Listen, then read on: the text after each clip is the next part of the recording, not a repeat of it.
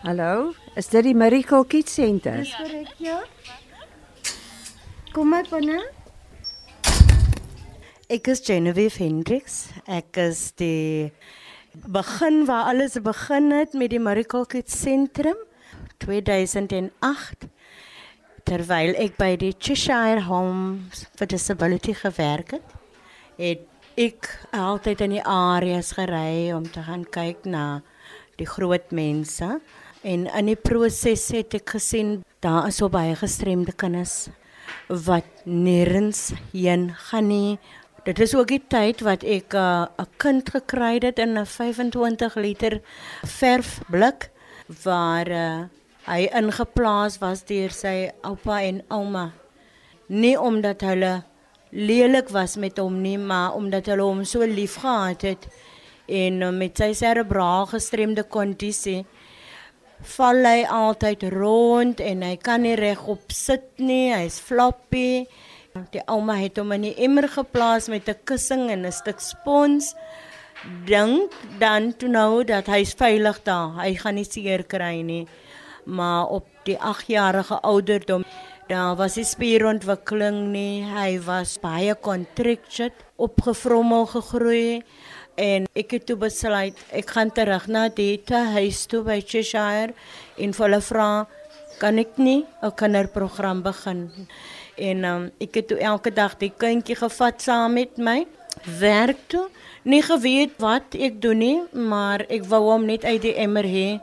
Wel in die eerste week het die een kind 5 kinders geword Aan die tweede week was daar 17 kinders en aan die einde van daardie eerste maand was daar 29 kinders.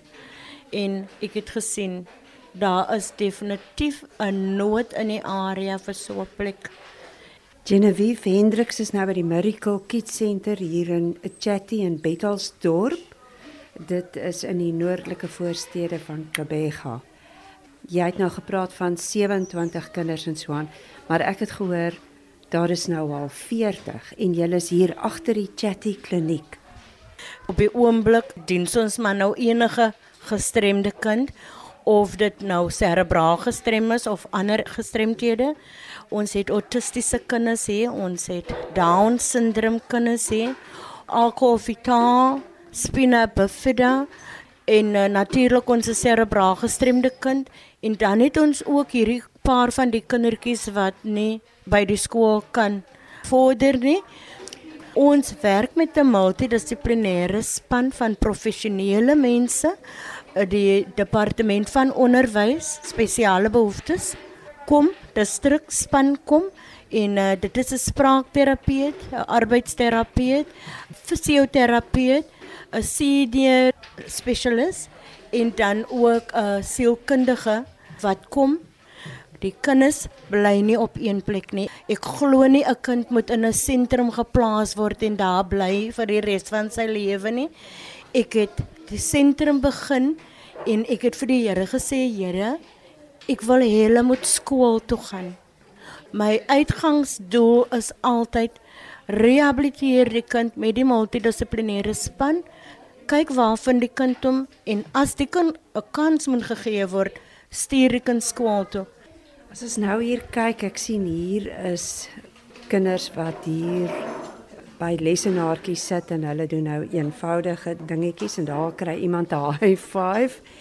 En hierdie is nou lyk vir my die meer ingewikkelde oefeninge wat gedoen word. En julle het blykbaar ook vrywilligers uit Nederland wat hier kom help. Ons het 5 permanente personeellede maar ons plek is geseënd. Ons het altyd mense wat kom om te kom help. Op die oomblik het ons vier verpleegstudente van die Nederlande en dan het ons mense van die kerk wat kom en ek het ook uh, die Nelson Mandela Universiteit se verpleegstudente derde jaar beker wat kom. Ons het ook 'n dieetkundige wat haar meestersgraad mee besig is wat kom.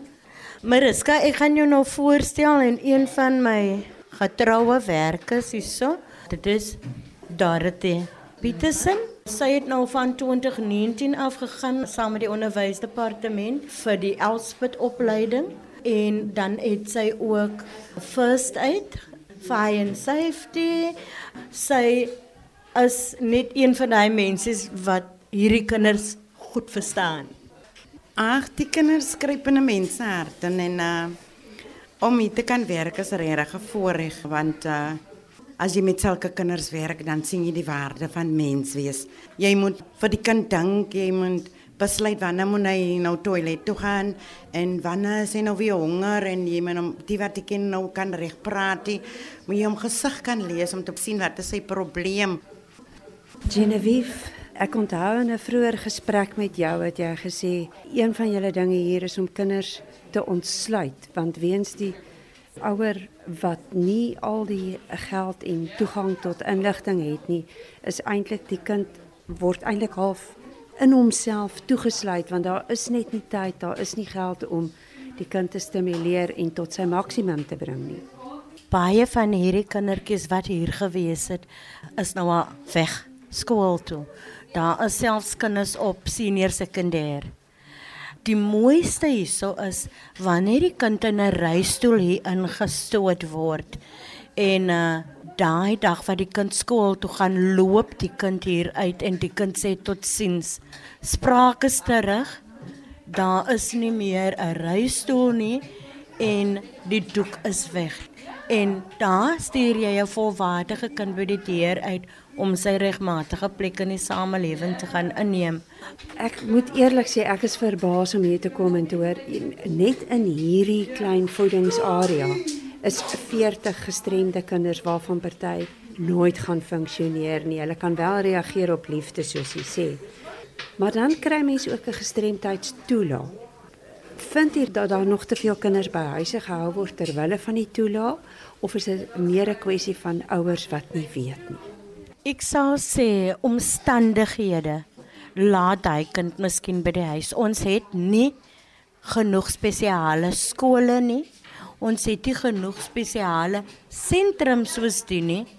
As ons die sentrums het, is mense nie partymal so goed ingelig aangaande hoe jy hierdie kind vorentoe moet neem. Die kind word dan nie reg gestimuleer, sal ek sê.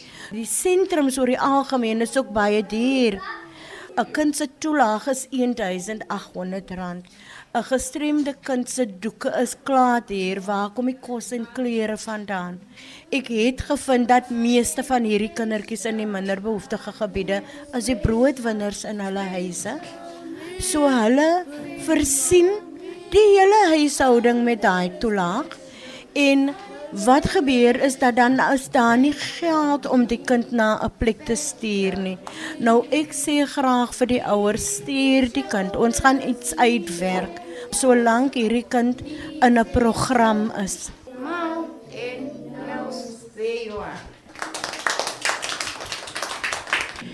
Wil jy iets vir my sê? Okay. Of jy dit vrou doen dit. Sjoe. Jo, jy het mooi gelees. Ek dink omdat hulle so goed behandel word hier binne, kry ons vorderinge. Hulle is so gelukkig. Hulle wil net oop tandetjies wees ja. en lag en plesierig wees.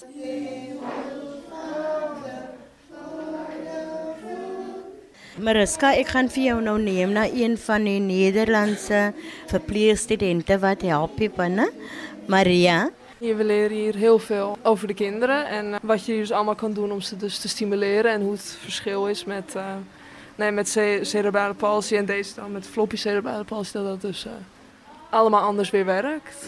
Om ze te stimuleren, om ja, weer al de functies te krijgen dat ze langzamer dan steeds meer zelf kunnen doen. En je komt van Alkmaar en de verschil van de leven daar en hier? Ja, en dan zie je dat ze hier um, ja, toch ook creatief moeten zijn met hoe het hier allemaal natuurlijk werkt. Met uh, het budget en alles. En dat ze hier toch al het meeste ervan maken. Met alles wat ze hebben. Ik vind het heel knap. Dit was nou Maria Noorder. Dan is daar een ding wat gesê het, jouself. Al het jy nou al hoe lank in die maatskaplike veld gewerk. Maar jouself, die kinders het jou iets kom leer. Genevieve? Ja. Hierdie kinders leer vir jou wat is deursettingsvermoë. Hulle leer jou hoe om lief te hê. Hoe dit is om uit te kyk na elke nuwe môre. Want ons kan loop, ons kan praat, ons het huise, ons het karre, ons het so als en dan het ons nog as mens Hoe gaan dit met jou? Ag, vandag voel ek maar nou tussen die bome nie pas. Hierdie kinders het soveel moeilikhede wat hulle moet trotseer deur hulle lewe. En op hulle lewenspad weet hulle nie wat wag vir hulle elke nuwe môre nie. Maar hierdie kinders leer vir jou wees dankbaar as jou oë oopmaak. Hulle kan jou nie praat party van hulle nie. Maar hulle leer vir jou met hierdie glimlaggende oogies. Hier is ek. Kom hou my vas. Kom wees lief vir my en ek gaan lief wees vir jou. Jesus